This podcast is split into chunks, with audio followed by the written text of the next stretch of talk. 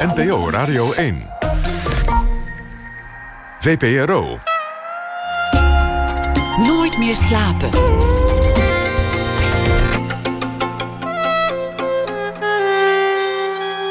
Met Pieter van der Wielen. Goedenacht en welkom bij Nooit meer slapen. Nico Dijkshoorn is hier. Ik- zal ik gewoon ook die hele inleiding dan nog voorlezen? Of zal ik gewoon Nou zeggen, hoi eh, Nico, leuk dat je er bent. We kunnen ook Daar gewoon... ben ik wel voor gekomen, ja. Nou, daar gaan we. Nico Dijkshoorn, die net geen twintig jaar voor een bibliotheek heeft gewerkt in Amstelveen. Die al blogger was voordat dat hip was en toen het nog gold als zinloos tijdverdrijf. Inmiddels geldt het trouwens wederom als zinloos tijdverdrijf. Nico werd er ineens zomaar een klein beetje bekend mee. En dat was het begin van zijn schrijverschap. Hij schreef meerdere succesvolle boeken. Was jarenlang ook huisdichter bij het gemiste tv-programma DWDD. Verder speelt hij graag gitaar in bandjes. Luistert naar muzikanten die hoeden dragen. Maakt een wandelpodcast met Tim Knol. Als hij zelf wandelt, dan is het meestal naar Slagerij van de Zon. Waar je voorbij 50 nog altijd een stukje worst krijgt. En hij kijkt heel veel voetbal zonder dat hij bij een club hoort. En dat doet hij altijd thuis, nooit in een stadion. En de stukken die hij daarover heeft geschreven, die zijn bij elkaar gebracht in een bundel met als titel De mislukte omhaal. En Nico Dijkshoorn is van 1960. Zo, ik heb het er helemaal uitgekregen. Prachtig. Nico, wat ontzettend leuk dat je er bent. Ja, fijn om er te zijn. Ja. Het, is, het is ook meteen een mooie titel, De mislukte omhaal. Ja, En dat heet in Noorwegen een, een, een Braziliaan. En in Brazilië heet het een Chileen. En de Chilenen noemen dat een Argentijn. En, en, de, en de Duitsers noemen dat een, een Rückzieher, geloof ik. Een, een weet jij waarom dat is? Waarom ze, waarom ze het een Argentijn noemen? Ja, om, omdat er dan ooit een Argentijn Hem Heeft- gemist heeft. ja, hem gemist. En meestal is het, wordt het daarnaar vernoemd, ook de Chileen. Als iemand het niet gehaald, dus iemand komt aanrennen, Ja, denkt, nu doe ik hem, die omhaal, en het mislukt. ja en, en ik vind dat... eh, ik heb hem... eh, ik had nog geen titel. Nou ja, weet je, het is een bundeling columns. Dus je moet op een gegeven moment... komt er een kaft omheen en dan, dan moet er een titel op. En toen eigenlijk eh, intuïtief kwam deze titel. En ik begrijp nu eigenlijk... eh, Eigenlijk past die heel goed. Want ik, eh, ik begrijp nu veel beter waarom ik het zo genoemd heb. Het, het staat... al die columns, bijna al die columns in het boek gaan toch over mensen die nou, niet gedwee naar de, naar de trainer luisteren. eh, geen, geen opdracht uitvoeren en niet eh, zeg maar op een teken van de trainer links penetreren in het, eh, in het middenveld. Maar gewoon, ja, bijvoorbeeld Marco van Basten. Weet je wel, die, dit, een omhaal, dat moet je durven, want het, hij kan mislukken. Daar, daar, daar zit de kern voor mij. Wa- Want je, je, je komt aan, je pakt die bal, maar je ziet natuurlijk niet meer waar je naartoe schiet. Nee, nee je, gaat, je, gaat, je hangt letterlijk met je hoofd naar beneden. Hang je naar het gras. En eh, je vertrouwt erop dat, die, dat je die bal op het hoogste punt... dat je die bal gaat raken en dat die dan eh, zeg maar richting doel gaat. Dan, dan is het eigenlijk al vrij eigenlijk geslaagd, een omhaal.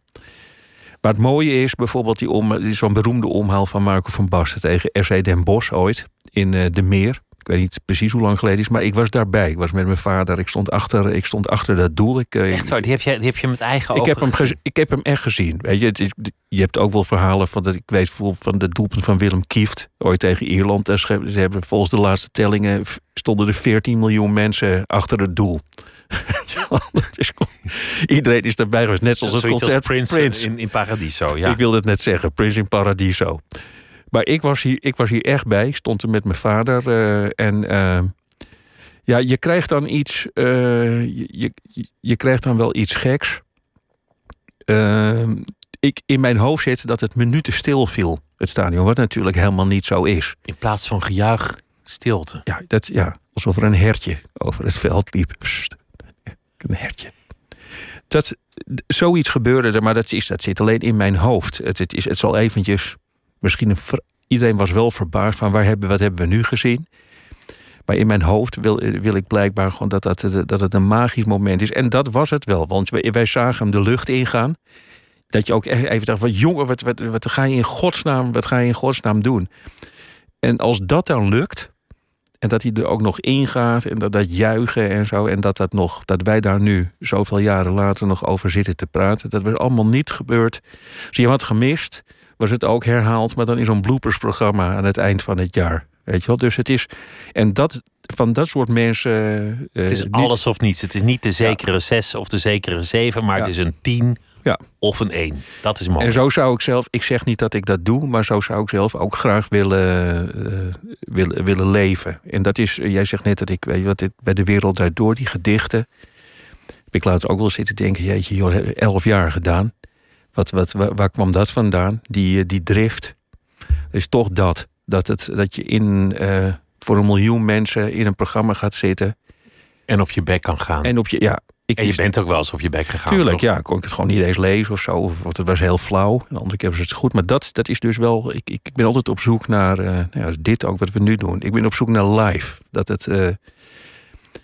dat jij nu bijvoorbeeld heel raar kan gaan doen. Of ook in het theater vind ik ook magisch. Dus dat zit allemaal in zo'n, in zo'n omhaal. Dat je iets... Ook zijn doelpunt tegen Rusland van Van Basten. Dat verzint alleen gewoon een gek. Een geniale gek. Dat je denkt, weet je wat, ik neem hem in één keer op mijn slof. En dan, achter die, en dan ploft hij achter die keeper. Voor hetzelfde geld was hij het stadion uitgegaan. Dus dat, dat vind ik mooi. Dat is meteen ook wa- wat er mis was, volgens mij, wat ik over heb gelezen met het Nederlands elftal eh, Ja. vorig jaar. Twee dingen. De een was dat ze allemaal kotsend in de kleedkamer stonden van plankenkoorts. Ja. Wat, wat heel logisch is. Je, je gaat op voor 7 miljoen kijkers achter de tv, 60.000 in een stadion. Ja. Alles hangt er vanaf en een trainer die hysterisch wordt. Dus natuurlijk heb je zenuwen, maar die stonden echt te braken. En het tweede is dat ze zich allemaal zo netjes aan de opstelling die van tevoren was doorvergaderd hielden. Ja. Dat de tegenstander dacht ook, weet al wat je gaat doen. Ja, nee, het is precies. Is helemaal waar wat je nu zegt. Gewoon te veel, te- veel opdrachten. Veel te hysterisch over zo'n toernooi doen. Ja, ja je, je, kan, je kan gewoon verliezen. Dit, nou, weer, het is net alsof ik hier zeg maar ongelooflijk eh, op de rug kruip van, van Marco van Basten. Maar dat, die, die- die heeft ook een toernooi geleid in eh, Duitsland. Wel eruit gegaan, maar als je dat terugkijkt, magistraal voetbal, allemaal voetballers. Ruud van Nistelrooy doet daar dingen aan de zijlijn. Nou, daar zou die nu helemaal verrot voor worden gescholden. En dat blijkbaar was Marco van Basten een coach. Die zei gewoon, Speel dat spel, neem het plezier. Je ik heb je genomen dat je het allerbeste bent. Hij zal ook wel een plan hebben gehad. En eh, ja, dat, dat- en, dat, was, dat zat er nu helemaal, dat zat toen helemaal niet in dat Nederlands elftal. eh, nog steeds niet, trouwens. Nee, ik. maar als het waar is dat, dat de staat van het voetbal iets zegt over de staat van het land of de Ja. psychologie van het land, dan, dan, zijn wij, dan kan je best een paar dingen over Nederland zeggen. Ja. Eén is dat we onszelf hoger inschatten dan we feitelijk zouden moeten doen. Ja. Dus totaal mislukken en een grote bek hebben. Zie vaccinatiestrategie. Maar we gaan het vandaag niet over COVID hebben. Nee. En het andere wat je erover kan zeggen is dat we een land van vergaderaars zijn. En, maar, en dus, eh, en sporadisch dan, dat is waar. Dus dat zie je, en dat is wat mij ook aantrekt. Eh, daarom is, is dat voetbal een goudmijn voor columnisten. Ik schrijf dus eh, dit, dit boek. Ik schrijf nu al elf, elf jaar een wekelijkse column voor Voetbal International, dat blad. Johan Derks heeft me er ooit bij gehaald. En eh, ik doe dat 51 keer per jaar. En dat is gewoon omdat er dan maar 51 nummers zijn. Ik heb nog nooit een nummer gemist. En dat is een, nou ja, dat is dat is zo tof om te doen. Weet je, omdat al die mensen in dat blad, die schrijven al over patroontjes. En eh, ik weet bijvoorbeeld ook helemaal geen namen van, van spelers. Ik weet niets van tactiek. Maar ik, heb, ja, ik zie dus wel, nou, waar we het nu over hebben, die, die, die, die kleinheid, vooral van die trainers, vaak bestuurders. De regias van Dick Advocaat, daar kan ik dan een hele column over volschrijven. Over het giletje van een speler, over eh, Ja, zeker. dat, dat soort dingen. Ja. De, de sociologie van voetbal. Waar is deze foto genomen die op de kaft van je boek staat? Ik zie zo'n Ja. mooie Hollandse molen. Ja, dat is meestelijk. Dat is, eh, dat is bij de vereniging. eh, ik had een Jaap Visser, dat is een eh, bevriende Voetbaljournalist. voetbaljournalist uit hij, Leiden. hij is hier ook te, te gast geweest Ja. over Ajax. Ja, dus die, het, het, het- en die heeft heel veel. Dat heb ik ook heel. Vroeger heb ik daarmee in het tijdschrift Johan, dat was ook een voetbaltijdschrift. eh, werkten we daar samen. Dus ik heb, ik heb Jaap opgebeld en gezegd: van ik moet gewoon echt een sexy Nederlands veld hebben. En eh, waar ik een beetje weesloos op kan gaan staan. Weet je, met zo'n fijne sportkantine. Dat met, met zo'n met zo'n luik. En dat er daar iemand achter staat. Die dan de hele middag staat te wachten om, eh, om gevulde koeken te verkopen. En dat is dus geworden. En die naam, eh, ik, ik geloof het is niet. Ik dat ik in de zeik werd genomen. Maar het is MMO. En het is met moeite opgericht. En dat gaat dan over de club. Die is met moeite opgericht. Ze heette met moeite opgericht. En ik trof wij vlak naar deze foto, die op de voorkant staat, bij, dat, bij die kantine in. Ik was met Marieke Derksen, de uitgeefster. Die dit met twee handen aangreep, gewoon om er gewoon lekker uit te zijn. Die had gewoon een krankzinnige busrit. Helemaal midden ergens naar midden Nederland had ze, eh, had ze achter de rug. Dus wij stonden, dus wij met z'n tweeën, dus ook een liefhebber, weet je wel, van dat soort gedoe, met z'n tweeën die kantine in. En dan, ja, dus dan vraag je aan zo'n man, er zitten twee van die mannetjes. Eh, En dan hoef je dan zeg je alleen maar, jeetje man, wat een geweldige, wat, wat een mat, wat een, wat een schitterende eh, veld hebben jullie. Prachtig, ligt er geweldig bij. Nou, dan zit- je twee uur te lullen. Maar dat Over is toch prachtig, het, het clubleven. Gewoon, Ja, dat is misschien wel het hart van het voetbal. Niet alleen in Nederland, maar in, in elk land is de essentie ervan. Twee van dat soort mannetjes die trots zijn op hun grasmat. Ja, het is, kijk, het heeft wel een enorme tegenkant, altijd als ik hierover praat. Dat is, dat is ook mijn. Het is ook gewoon heel lang mijn waterloo geweest. Ik, ik kom dus uit zo'n familie met een honkbal. Dus ik heb, eh, nou, ik denk letterlijk vanaf het moment dat ik. eh, eh, dat, dat het vruchtwater was opgedroogd, werd ik meegezeuld naar een honkbalveld. Eh, ik weet dat mijn moeder, heeft ze me later wel verteld, gewoon daar groot eh, geluk dat ik op een gegeven moment een maatje had, dat ik een soort klein honkbalpakje aankon. Er zijn foto's van.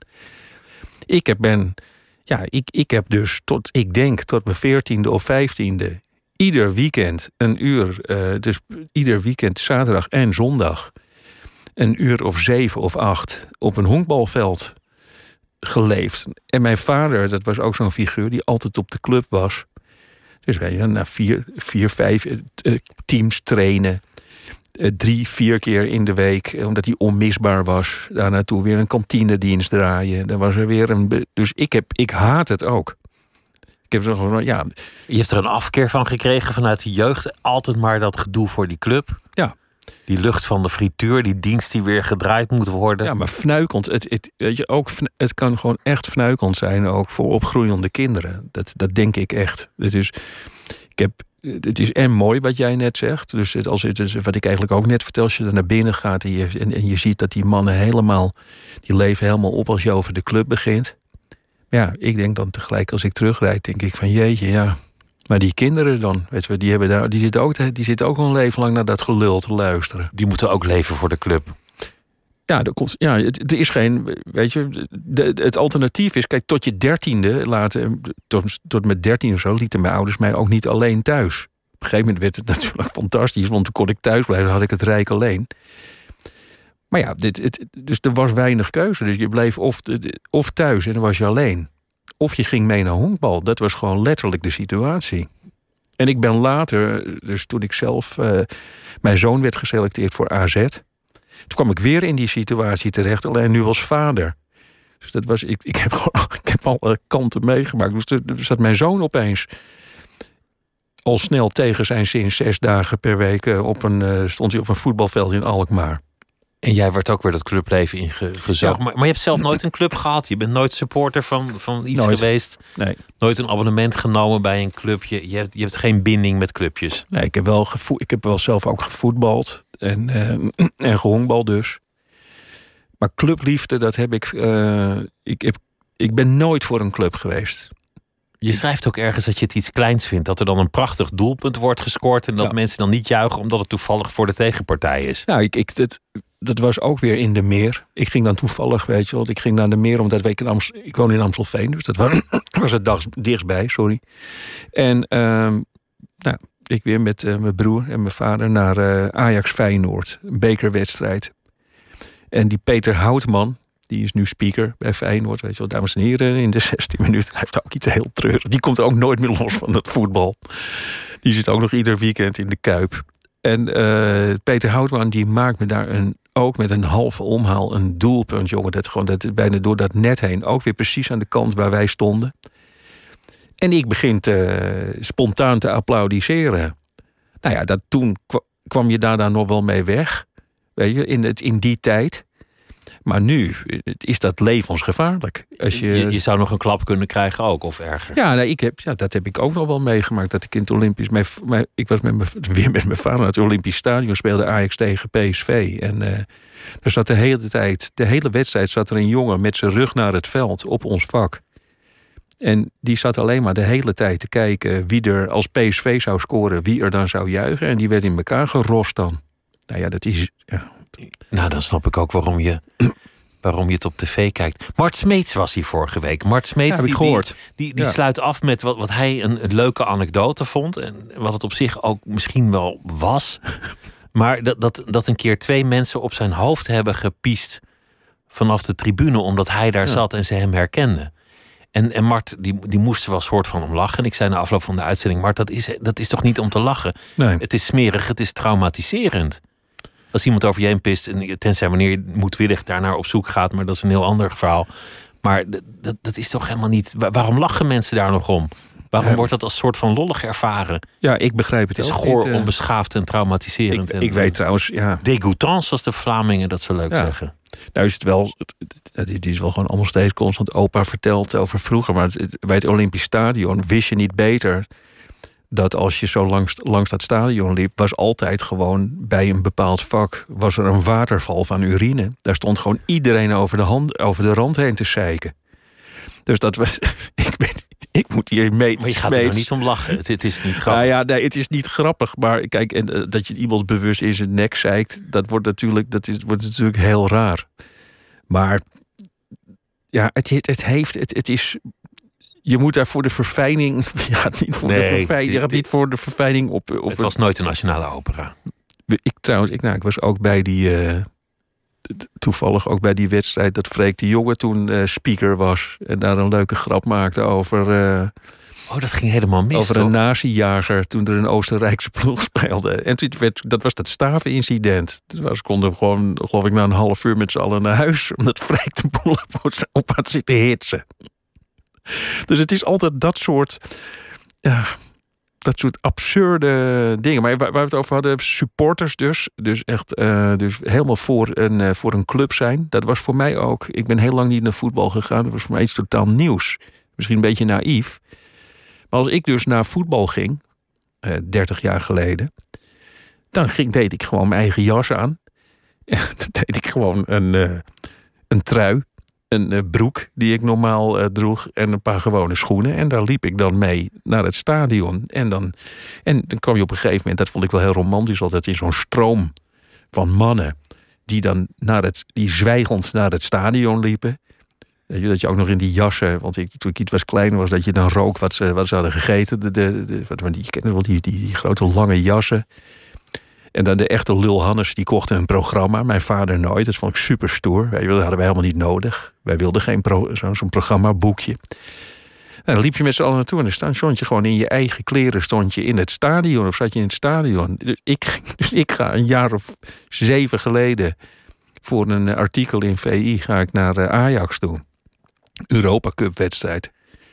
Nou, ik wist niet wat ik zag. Ja, iedereen heeft dus nu een Ajax-shirt aan. Dus gewoon 90% van dat stadion dus uitverkocht stadion. En dan zie ik gewoon allemaal mannen van 56 met een, met een naam van een speler achterop hun rug. Dat vind ik zo infantiel. Dat, dat, je, dat je daar komt om bij de club te horen, om bij de groep Nou ja, te maar dat je dat ook om- bestelt. Dan hebben, ze mee voor de spiegel gestaan. Zijn ze de kamer ingelopen voor een vrouw. Niet te strak. Ja, nou, je kan wel hebben. Is, is het ook een levenshouding eigenlijk? Niet bij een club willen horen? Langs de zijlijn staan, toekijken. Misschien eh, dan weer voor die zijn, dan weer voor die zijn. Nee, niet bewust. Ik heb gewoon helemaal niets met. eh, het is nou niet zo dat ik me ooit heb voorgenomen van dan ga ik lekker dwars zijn en ik ben nergens voor. Ik, het is, ik, ja, ik kom meestal met, met dit soort, door dit soort gedoe. Nu met social media en zo, weet je, kom, ik- kom ik in de problemen dat ik. eh, ja, dus zo'n koningslied. Nou ja, dan heb ik gewoon de, heb ik honderdduizend gekken in mijn nek als ik daar iets over zeg. Dus ik had gewoon, ja, ik had, eh, ik had nog, ik, die tekst was zo gruwelijk slecht. Van die John, hoe heet die, John Hume. Dat is een beetje rammelende tekst, ja. Ja, daar had ik gewoon over getwitterd. Van, nou, voor deze tekst eh, verdient hij toch wel, op zijn minst, een milde steniging. Nou, dan... eh, dit Toen werd jij gestenigd. Ja, precies. Dus dat is... ja, de, de vaderland, ja, met z'n allen. In, heb er ook best wel veel columns over geschreven. Dus niet dit, ook buiten het voetbal om. Dat ik, uh, dat ik gewoon niet begrijp dat, ik, uh, dat je trots bent op de plek waar je toevallig uit je moeder bent gevallen. Dat, dat gaat er bij mij dan gewoon niet in. Dat, dat, dat, dat je gewoon heel trots bent op de plek waar je toevallig bent geboren. En ik stond dit weekend, nou ja, jij kent Leiden ook. Ik stond in, in een boekwinkel Koiker. Nou, mensen gewoon over elkaar heen kruipen om dat boek van Amalia te kopen. Ja, daar sta ik gewoon, denk ik, ja, ik, ik zit gewoon, ik, ik zit helemaal in het verkeerde tijdsgewricht of zo. Of... Omdat dat soort dingen nu meer dan ooit in de mode zijn. Je, je schrijft ook ergens dat, dat vond ik wel aardig, dat voetbal steeds meer hockeytrekken krijgt. Dat is, dat is het clubleven wat ik uit mijn jeugd ken. Dat is zo'n hockeyclub. Nou, maar dat, en dat, was dat meer... heeft dan het, de, dezelfde bekrompenheid, maar dan wel met dat de mensen zichzelf hoog achten. Ja, maar dat ging meer. Dat, dat, dat, ging over het spel, dat, wat jij zei. Nee, dat ging over een spelregel. Dat, dat is echt iets anders. Daar bedoelde ik iets anders mee. Dat, dat, uh, je hebt nu zeg maar die bij, bij hockey. Ik heb helemaal, helemaal geen verstand van hockey. Maar wat, wat ik wel heel gek vind, is er is blijkbaar ooit iets verzonnen van als mensen de bal tegen een voet schieten dan is het een. Uh, is, Jouw fout, is, of, is, is, het een strafcorner. En wat het is nu omgedraaid. Uh, dus er wordt nu gemikt op de voet. Dus het is een constant springen om die bal te ontwijken. Dus je, het is omgekeerde wereld. En in het voetbal heb je dat nu ook. Met, uh, als, als, er dus een, als je een, een beetje. In, in mensen, als het maar een beetje op Hens lijkt, dan, dan heb je het gedaan. Wordt gewoon, ja, maar die bal wordt expres tegen richting armen geschoten. Dat zou goed zijn, voetballers gewoon. Ik heb net weer een doelpunt van Messi gezien, vlak voordat ik hier naartoe ging. Die kunnen gewoon een lucifer van de lat schieten. Dat soort jongens. Dus die kunnen ook wel gewoon op een. Dus je ziet nu gewoon hele rare omgekeerde. constant spelers in strafschopgebieden die als.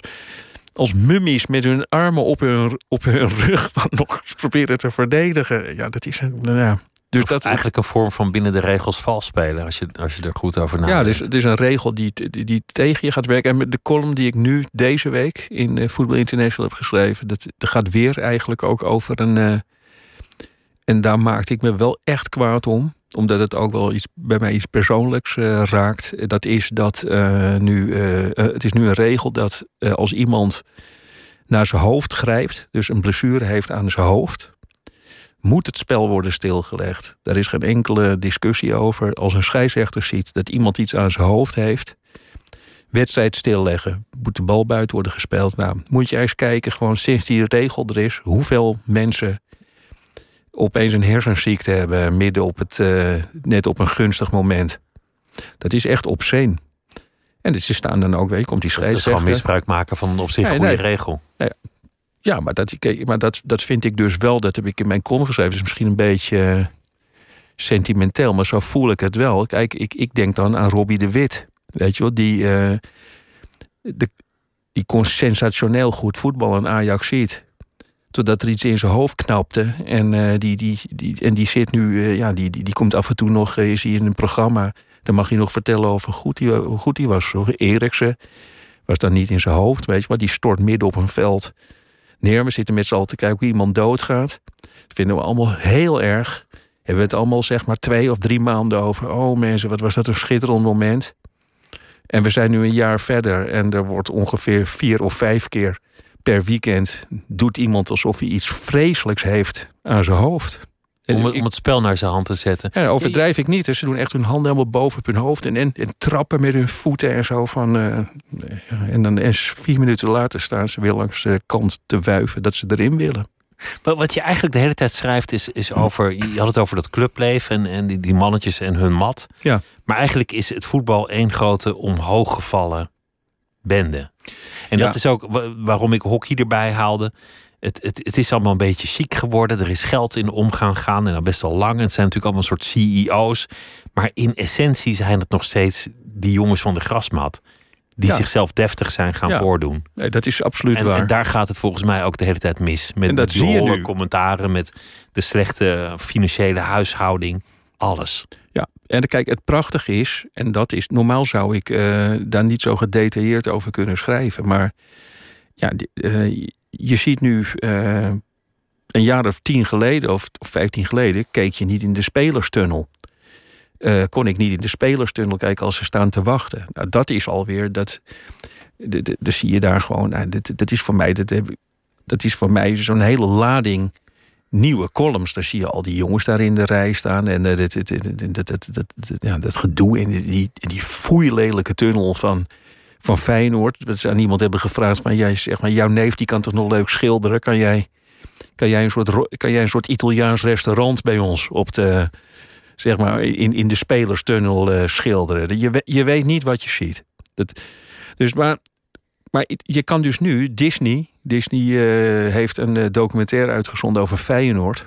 En dat, nou, daar heb ik ademloos heb ik daarnaar zitten kijken.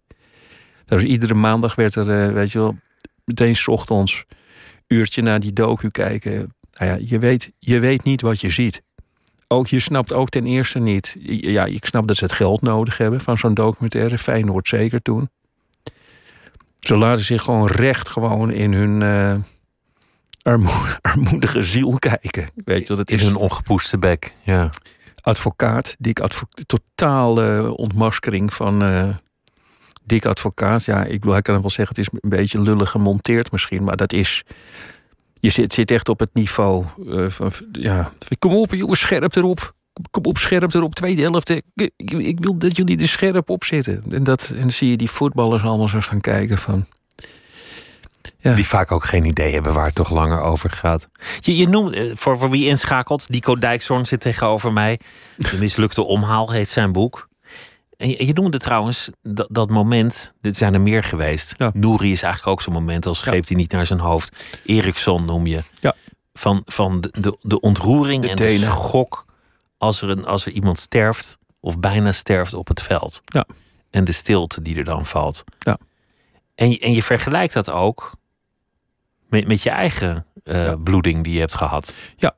Nou, dat was. Ja, ik, er stond enige druk ook op het schrijven van die column. Ik, dus ik zat. Het was een wedstrijd van. eh, in het, tijdens het Europees kampioenschap. Denemarken speelt. En Eriksson krijgt. eh, die loopt naar een bal en stort gewoon midden in zijn beweging naar het veld. En is eh, zo te zien stervende. Dus wat geen, het- weet je, het werd al snel duidelijk van die, die, die, die, die adem. helemaal mis. Die, die- het is mis. Zag je ook aan de reactie van de spelers. Dus wat er toen gebeurde is dat je eh, dat die hele, waar wij het nu steeds over hebben, gewoon die, die hele ambiance eromheen en die, nou, dat stadion gaan en je verheugen en dan en die, die, en die rare shirts allemaal aandoen en eh, lekker verheugen op zo'n toernooi. Al die onzin er ook omheen en zo. Dat kwam echt gewoon, nou, niet piepend tot stilstand, dat kwam gewoon in één keer tot stilstand. En er zaten allemaal, dus het werd doodstil op die tribune. Ik zat te kijken. En ik moest een uur na die wedstrijd eh, moest ik mijn eh, column eh, inleveren. Er zat gewoon een enorme deadline zat er toen op voor de website. Ik zat te kijken. En ja, dat was, toen gingen al die spelers die zagen dat het niet goed ging. Dat ontroerde mij zeer. Die gingen zo met hun rug naar, in een kring om hem heen staan. Om hem enige privacy te geven. Waardoor zij, waardoor die spelers, het publiek en de vriendin van Eriksen recht in het gezicht keken. En dus, dus, dus die, en die begonnen allemaal te huilen en zo. Maar wat mij dus enorm raakte, en dat betekent nu even op mezelf. Weet je wat, het is, er zijn veel meer mensen die gewoon. Ik, heb, ik had drie, vier jaar daarvoor een paar twee stevige beroertes heb ik gehad, waarvan één gewoon wel echt nipt was. Dat was, dat was gewoon, toen was het wel echt bijna gebeurd. En dat voelde ik toen wel heel erg. Dus dat je. Diezelfde schok of zo'nzelfde emotie van. Ja, maar wat er ook, ja, het klinkt wel heel erg, een beetje pathetisch, maar wat er ook dan zeg maar in een, eh, wat er aan, wat er gewoon aan liefde, zeg maar, wat er zeg maar aan allemaal eh, goedheid of zo loskomt dan toch ook eh, dit, op zo'n moment, weet je wel. Ik weet nog gewoon dat, eh, nou ja, ik weet nog dat ik toen ik werd uit mijn huis gedragen, weet je, stond en ik werd wakker halverwege en toen zag ik, eh, keek ik Tanja, mijn vriendin, die stond er aan de trap en toen zag ik haar. Weet je, die kijkt me zo aan dat ik zag van oké, ze is er. En dat gaf mij dan weer een bepaald, eh, bepaalde hoop. Dat moet die eer, ja, dat zag ik allemaal in dat moment. Maar, maar het is niet pathetisch en je, en, je, en je hoeft het natuurlijk ook niet grappig te maken. Of, of, of er een luchtige anekdote van te maken. Dit is, dit is een, een Nee, maar ik bedoel- moment van, van je bijna overlijden. Ja, dat is Dat- waar, maar ik, ja. ik, er zijn zoveel mensen, weet je wel, die dit. Het is, maar het is, eh, dat heb ik Ja, altijd. natuurlijk, van, maar eh, het is jouw leven. En, en Ja, dat was voor mij wel in, je, een hing, soort- je hing boven de dood. En, Ja. en, en je vriendin was erbij. En je had, je had door wat er gebeurde. Ja. En het is, ik heb dat terug, ja, dat is waar. En ik ben ook terug gaan rekenen. Ehm, er is mij een paar keer voor programma's, is, dat is ver hiervoor, heb ik het echt over een jaar of zeven of acht of zo geleden, nog voor de beroertes. Dan werd mij gevraagd, ehm, bijvoorbeeld Wim Helsen, die heeft in België een programma. Dan eh, mag je een, een je favoriete fragment, een favoriet gedicht of een favoriet tekstje voorlezen. Daar gaat hij een half uur met je over praten en dan lees je het daarna nog een keer voor. Dus je wordt onder druk gezet om van echt absoluut je, je favoriete tekst mee te nemen. En wat ik toen mee had genomen, eh, ik heb het trouwens nu niet bij me, maar eh, is een gedicht van Kees Budding. Dat, eh, dat heet Luchtverkeer. En dat gedicht gaat, dat snap ik eigenlijk nu allemaal pas. Dat gaat over precies hetzelfde. Het gaat steeds, dus echt de dingen die, die mij zeer ontroeren, is gewoon als eh, alles gaat goed, alles is fijn in beweging, alles gaat recht vooruit. En, en, gewoon, en opeens, en dit, dat gedicht gaat over, de mensen zijn aan het voet. Er is een voetbalwedstrijd ergens op veld 5. Kees Pudding staat langs de kant. Al die jongetjes zijn lekker aan het voetballen. En er komt opeens een zeppelin. Komt een zeppelin over het veld. En daar kan gewoon niets tegenop. Dus, dus die wedstrijd die komt gewoon. Je voetbalt niet door als er een zeppelin overkomt. Dus de aandacht is, is helemaal bij die Zeppelin komen. die jongetjes die stoppen allemaal. Iedereen staat naar die Zeppelin te kijken. En wat hij dan schrijft, Budding, en dat vind ik dus wel prachtig. Dus dat, hij beschrijft dat helemaal. En komt er een witregel en dan zegt hij... daarna speelden we door. Eh, we wonnen met 3-2. Weet je wel? En, dat, en ik ben... Nou, dat, dat heeft sterk te maken met, met, ook met het geval van Eriksen. Alles komt tot stilstand. En in dit geval ook gelukkig Maar alles er weer gaat er beweging weer in. door. En, Ja. en, en op een manier die eigenlijk niet past bij die gewijde stilte. Dat, dat is misschien wel een vergelijking. Daarna denkt iedereen, ja, we gaan anders leven, we gaan het beter doen. Exact. We realiseren ons Ja. nu wat de dood is, welke afgrond hebben we niet ingekeken. Ja. En dat duurt maar een week.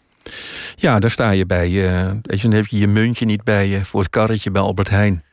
Weet je, dan sta je weer vloekend in je auto te zoeken, ergens onder je, on- Jij onder ook. je Is mat. dat, is dat bij jou ook gewoon teruggekomen?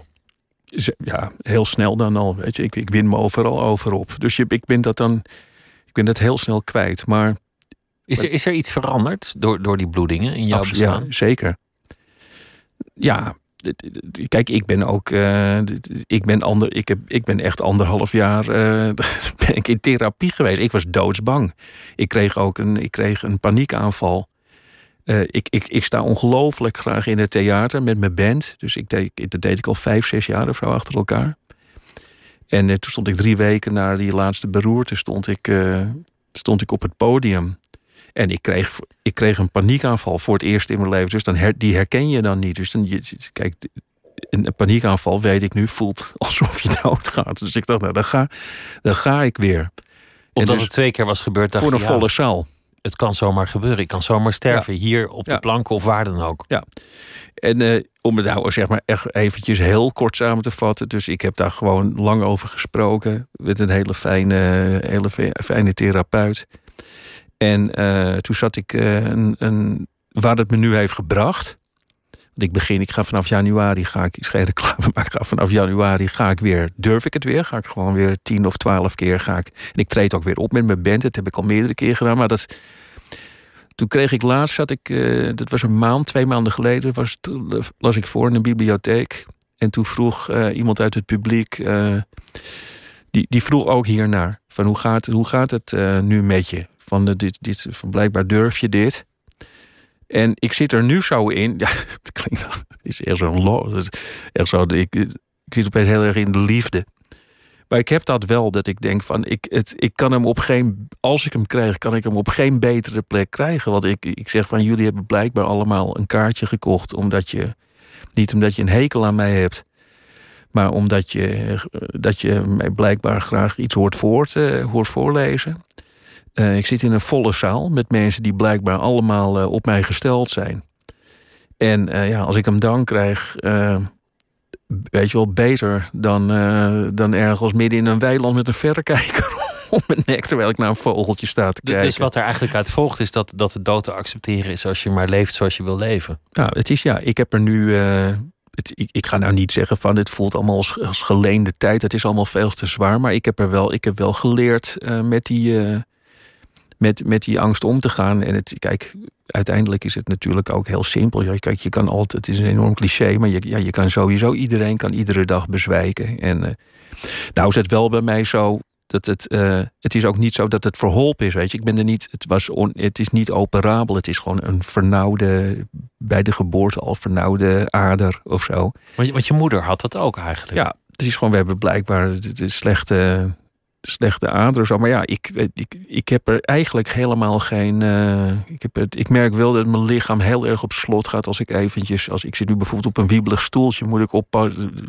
Moet ik wel zeg maar gewoon even kijken. Oké, dat stoeltje wiebelt. Mijn lichaam gaat nog wel eens even aan de haal met duizeligheid.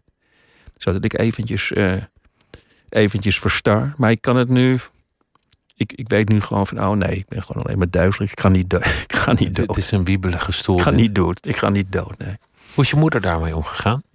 Nou, ehm, nou weet, je wat, weet je wat eigenlijk... de vraag die ik mij vooral stel is gewoon... hoe zijn wij daarmee omgegaan dat zij ziek was? Daar heb ik wel natuurlijk ook, daar heb ik ook twee boeken over geschreven. Ehm, dat, is waar ik, dat, dat, is waar, dat is waar ik het meeste mee bezig ben geweest. Zij heeft hetzelfde meegemaakt. Eh, Nee, En, en volgens die ik. boeken, hoe jullie daarmee omgingen, was eigenlijk nou, proberen om, om het luchtig te maken, om weg te Ja. kijken van de pijn en het verdriet en de angst. En eh, het, het moest leuk zijn of, of snel iets gaan doen dat praktisch was om het maar niet onder ogen te zien. Ja, het, en het gek is, als jij dat nu zegt, denk ik zelfs dat het dat niet was. Ik, ik denk dat we het niet eens voelden. Spreek ik eventjes dan voor mezelf. Ik kan niet voor mijn broers eh, spreken. Maar ik denk, het was niet zeg maar tegen de klippen op, net doen alsof het er niet was. Ze sprak gewoon weer op een gegeven moment. En, eh, mijn moeder, die had, die had ook een TIA. Die sprak weer. En eh, nou, weet je, dan zei ze af en toe een woord verkeerd. En dan, eh, dan kwamen we, het was wel zelfs zo'n Amsterdamse familie, en daar kwamen we niet meer bij. Zo van, van eh, helemaal niet die, die angsten. helemaal niet, die, zij moet ook gewoon doodsbang in haar bed hebben gelegen. Maar, die gevoelens waren bij jullie niet aanwezig of niet onderkend of wat, wat het ook was. Want net toen jij over je eigen bloeding sprak, toen, toen had je, merkte ik de neiging eerst om het een beetje af te doen van nou, ik wil niet pathetisch lijken. En toen, toen zocht je bijna naar een soort grappige anekdote die je eraan zou kunnen ja, verbinden. Ja. Daar, daarin leek je toch wel op de vader, zoals je hem hebt beschreven in je, in je boek. Oh ja, zeker. Ja. Nou ja, dat, weet je, dat, dat, dat is iedere keer een hele pijnlijke, pijnlijke ontdekking. dat, Dat je denkt, shit, ik ben, ben mijn vader aan het worden. nou, ik heb dat net, ik heb daar eh, eh, niet geheel toevallig, heb ik daar een, eh, ik schrijf nu ook een jaar voor de Libellen. En dan schrijf je toch een iets ander soort stukken dan, ik vind het trouwens fantastisch, weet je wel. Ik heb staan juichen boven aan de trap toen ik, eh toen Toch een mooi blad. Nee, fantastisch, weet je wel. En gewoon, ik mag daar schrijven. Ik, ik mag daar echt gewoon schrijven over dat geneuzel van een, van iets te hippe 61-jarige man. eh, die zijn kinderen ziet opgroeien. Dus het is, het, het is, daar een prachtig podium. En ik mocht daar nu dit jaar mocht ik het kerstverhaal schrijven. Wat ik, wat, wat ik, wat ik een eer vond. En dan als schrijvend, zo werkt het bij mij dan wel. Dat geldt ook voor die voetbalkomst. Als schrijvend, eh, dat gaat heel intuïtief. Dus ik schrijf dat in één ruk, zo'n verhaal. En dan pas twee, drie weken later lees ik het nog eens terug. En denk ik, oh, weet je wel, van, het zit er weer in. Dus in dat verhaal, het verhaal eindigt met wij, wij komen met de familie in de, de weg. Ik ga altijd met, eh, met mijn kinderen en met Tanja. Kinderen zijn uit mijn vorige huwelijk. Gaan we de, naar de Ardennen. Dit jaar trouwens niet, maar een lekker huis in de Ardennen. Een week, zitten we een week met z'n vieren. En wij komen in dat huis en ze hadden. En Tanja kan belachelijk goed koken. En dat vindt ze dus ook heel fijn, weet je wel. Dan zijn we met die kinderen en dan gaat Tanja, die gaat de hele week gaat ze gewoon fantastisch koken. En dan staan we allemaal te juichen. Oh, wat lekker. En we, ko- we komen daar. En eh, ik hoor mijn dochter zeggen: We hebben twee ovens. Oh, we hebben, oh, we hebben twee ovens. En wat ik toen heb gedaan, is. toen heb ik toen besloten: ik ga ook een kip maken. Dus dat werd een soort competitie en dat was gewoon heel erg mijn vader. De, zo van... ehm, De leukste grap hebben, de beste kip maken. de lekkerste het kip. mooiste restaurant weten. En ze kennen me hier. En, en Ja, het, be- het, het, het, licht, verhaal. Het- het licht zoeken, ja. En, dan, en eigenlijk gewoon iemand anders in de schaduw zetten. Dat, eh, dat is, kijk, het was, mijn vader was ook een hele grappige man. En zo, weet je wel, het, het, het- maar dat was wel, dat was wel zijn- zeg maar, zijn kern. Dat is niet iemand die... ik- mijn vader heeft in zijn hele leven nooit aan iemand gevraagd... eh, wat doe jij? En dat, ik bedoel, wat dat betreft ben ik wel een soort, een beetje, ver- een beetje 2.0. Dat doe ik wel. Ik ben wel, ik ben wel geïnteresseerd in andere mensen. Maar, eh, maar dat viel me dus op. Dat zit dan toch in dat kerstverhaal. inzicht, kwam dat inzicht van het kerstverhaal uit jezelf? Of kwam dat bij iemand anders vandaan? Nee, ik las het en eh, ik las het terug. Toen dacht ik, oh, het gaat daar. Het, het, het- het- want ik, ik voelde wel dat het klopte als einde van het verhaal. Eh, dat ik dat inzie. Ik zie het ook in het, ik zie het in dat verhaal ook wel in. Maar ik had het nu zoiets van, oh ja, dat gaat, daar, gaat tof daar weer over. Ja.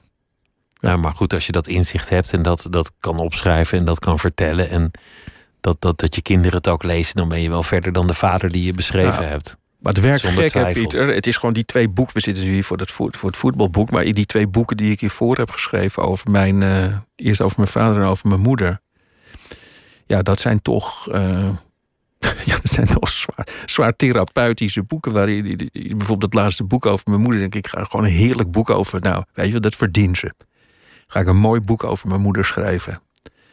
Dus ik denk, nou laat ik nou eens echt als, als ik dat nou echt is als een echte schrijver gaan doen. Ga ik met, eh, ga ik van tevoren, weet je, leg ik papieren neer of ik prik, ik prik iets aan de wand en dan maak ik een schema en dan ga ik helemaal, zeg maar, een prachtig boek over mijn moeder. Dus ik, ik ga zitten om dat op te schrijven. Zes anekdotes, dat is wat ik van mijn moeder wist.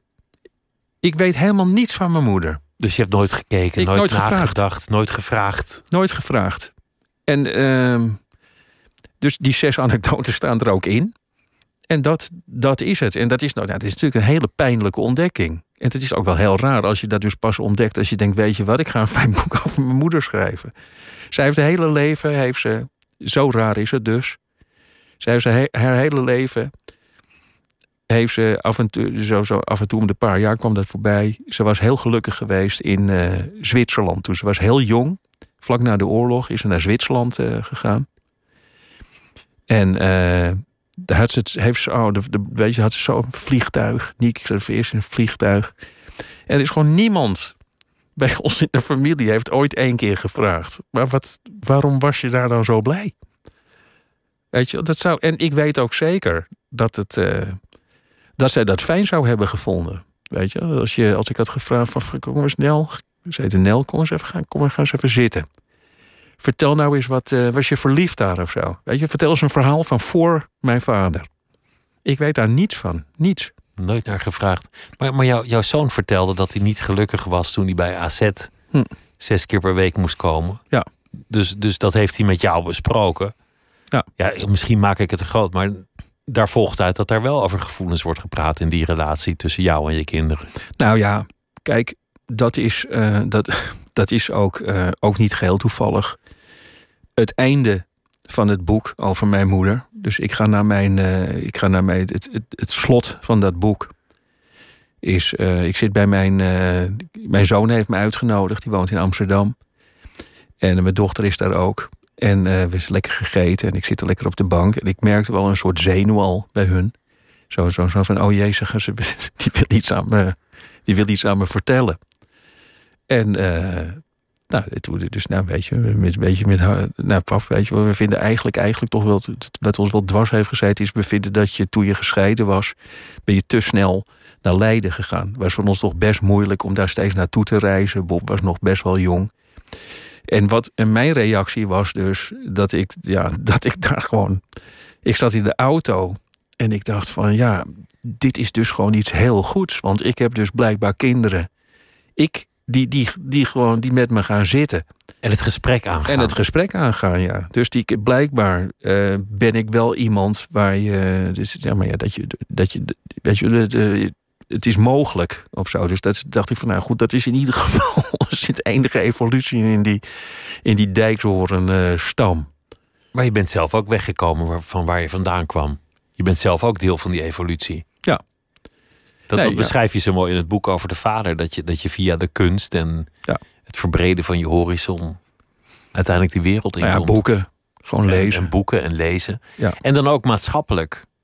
Ja, heel lang bibliothecaris geweest en lullige blogjes geschreven waarvan, Ja. je, waarvan je niet kon weten dat iemand ze las.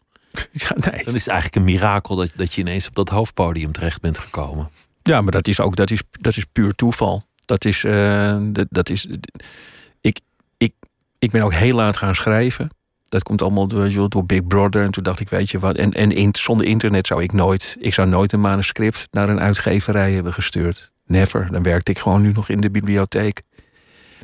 Dus maar nu, ja, weet je, op internet je zet je stukken neer en het wordt, het, het wordt door mensen gelezen. En, Want, eh, want jij volgde toen Big Brother 1 toen dat zo, zo, zo groot was. Ja, dat was, weet je, dat was toen echt ook in NRC en dat soort eh, bladen was dat gewoon een ding. Dat werd, het, het, het werd nog niet op neergekeken. Het was ook een heel interessant project, omdat die mensen die de, toen in Big Brother zaten, hadden echt niet in de gaten wat. Nou ja, dat, Wat er dat- buiten de muren wat er buiten was. de muren gaande was. Dus het was een heel interessant experiment. Maar wat ik daar ook heb gevoeld, en dit is waar we het eh, aan het begin van het programma over hadden. Ik voelde daar gewoon weer die live kick. Dus ik dacht van, ik zit nu met een miljoen mensen naar dit programma te kijken. We zien allemaal dat er een hele rare asbak op tafel staat. Waarom staat hij daar? En eh, wat, wat, doet die, wat doet die gekke wortel daarachter in die rechterhoek? En daar kon ik over schrijven. En dan wist iedereen waar ik het over had, omdat ik het binnen een half uur eh, op, eh, gewoon op internet plempte. Snap je? Dus het was gewoon, het, het kon niet liver. Dus het, eh, en dat is eigenlijk vreemd genoeg. Nou, niet vreemd genoeg, maar dat is, precies hetzelfde wat ik later bij de Wereld Draait Door ben gaan doen. Dus zitten, samen naar iets kijken, samen met de kijkers, die zitten naar de Wereld Draait Door te kijken. Ik zit in het publiek. En ik vind er iets van. En ik mag er meteen iets eh, over schrijven.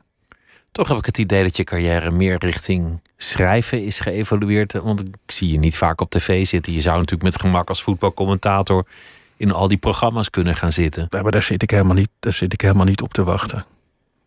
Ik was, ik was deze week was ik bij Bo. Dat schrok ik inderdaad een beetje van de aankondiging. Anderhalf jaar niet op de televisie. Het is, ja, het is toch geen seconde. Dat was nog geen seconde bij me opgekomen. Dat zijn meer verboden over jou, die inleiding. Ja, maar het is, nee, maar het, het is ook echt eh, wat ik, wat ik eh, deed bij de wereld Draait door. Dat, dat kan je niet zomaar gewoon. Dat had te maken met wat ik eh, goed, wat ik, nou ja, wat ik graag doe en wat ik goed kan. Een stuk schrijven.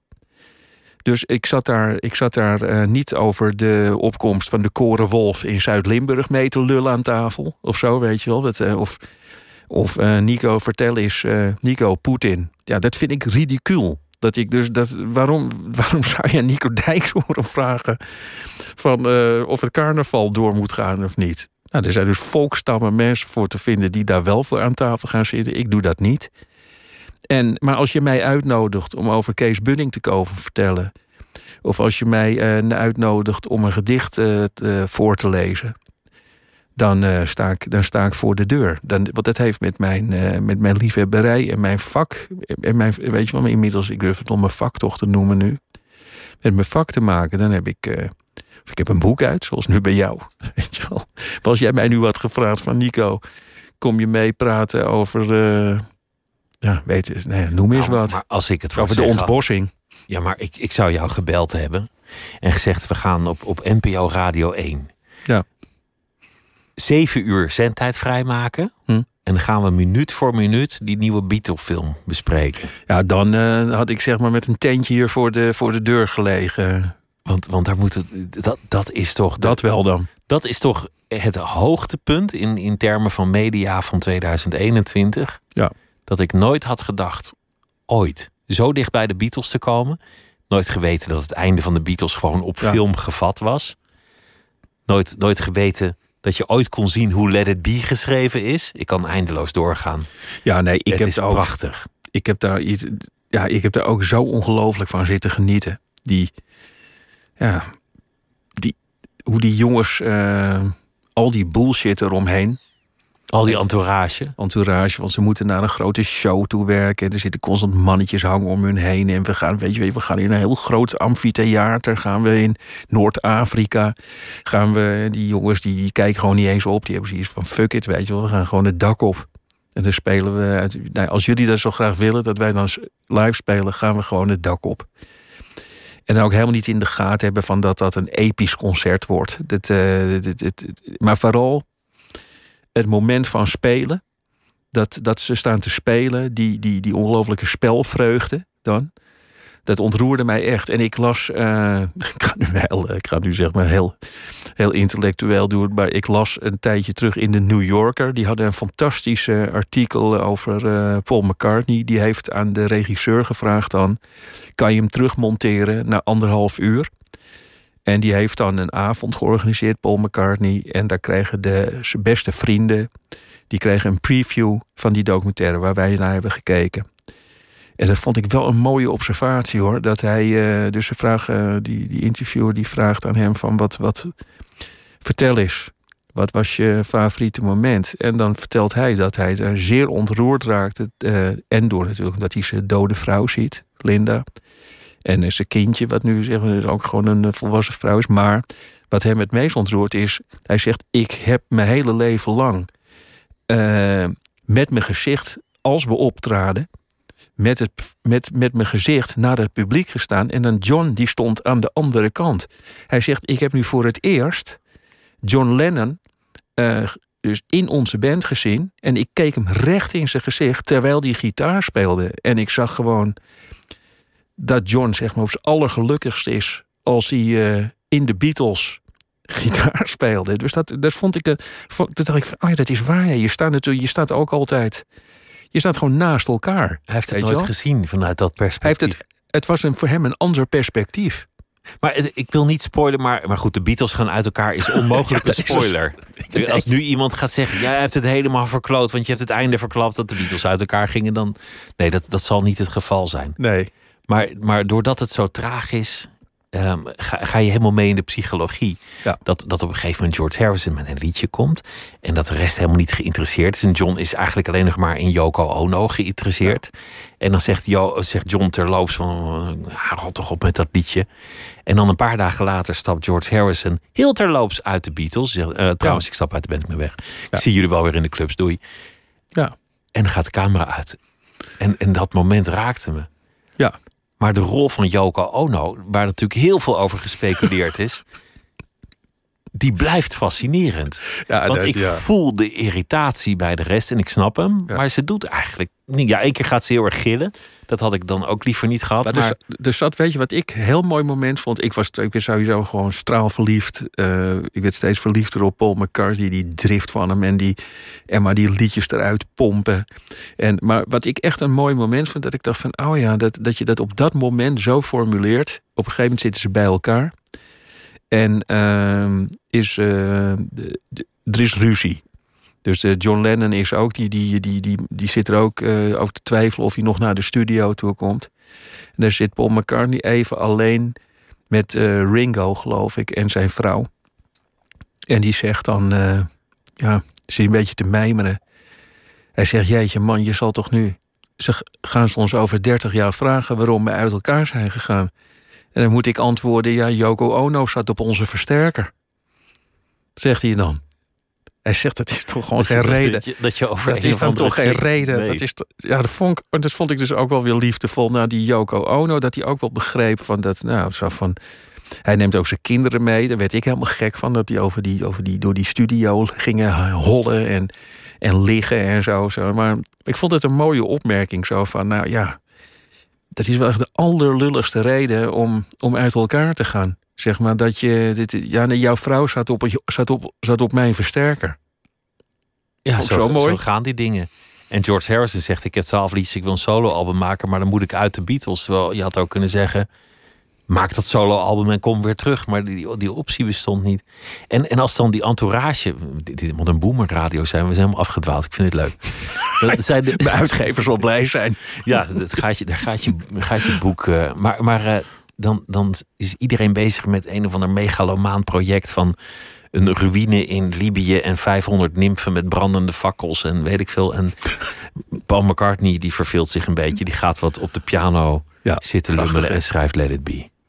Ja, Het is, het is alsof je Michelangelo de Sixtijnse kapel op camera ziet schilderen. Het is het gemak inderdaad waarmee hij die akkoorden. En dat, en, en dat is dus.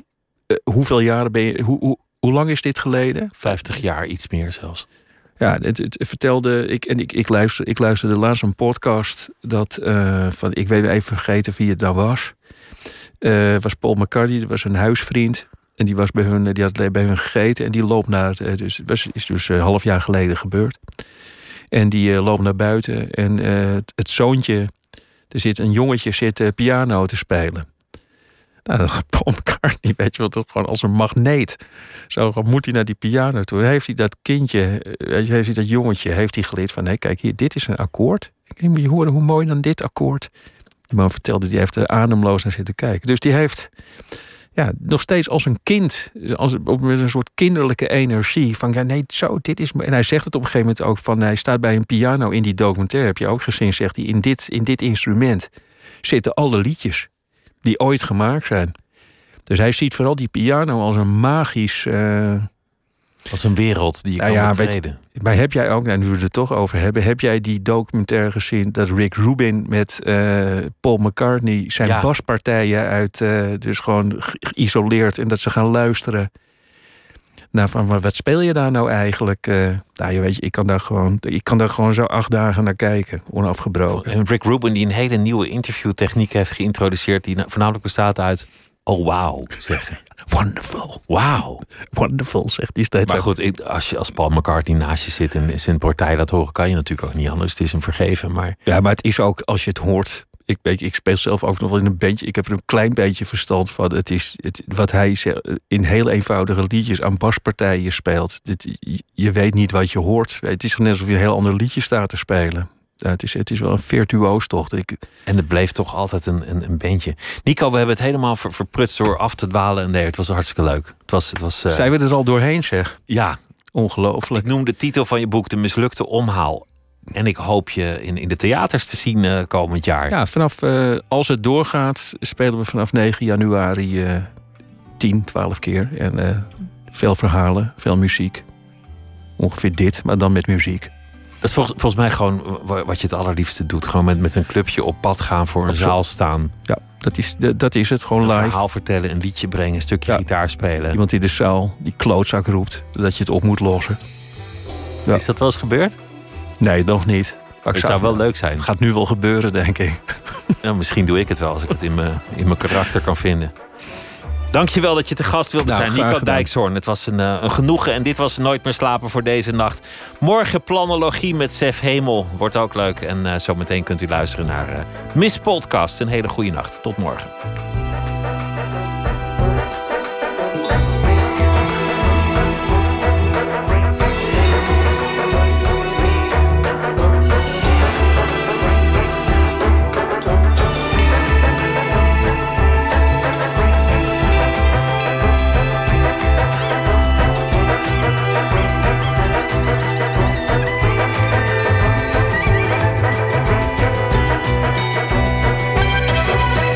NPO Radio 1.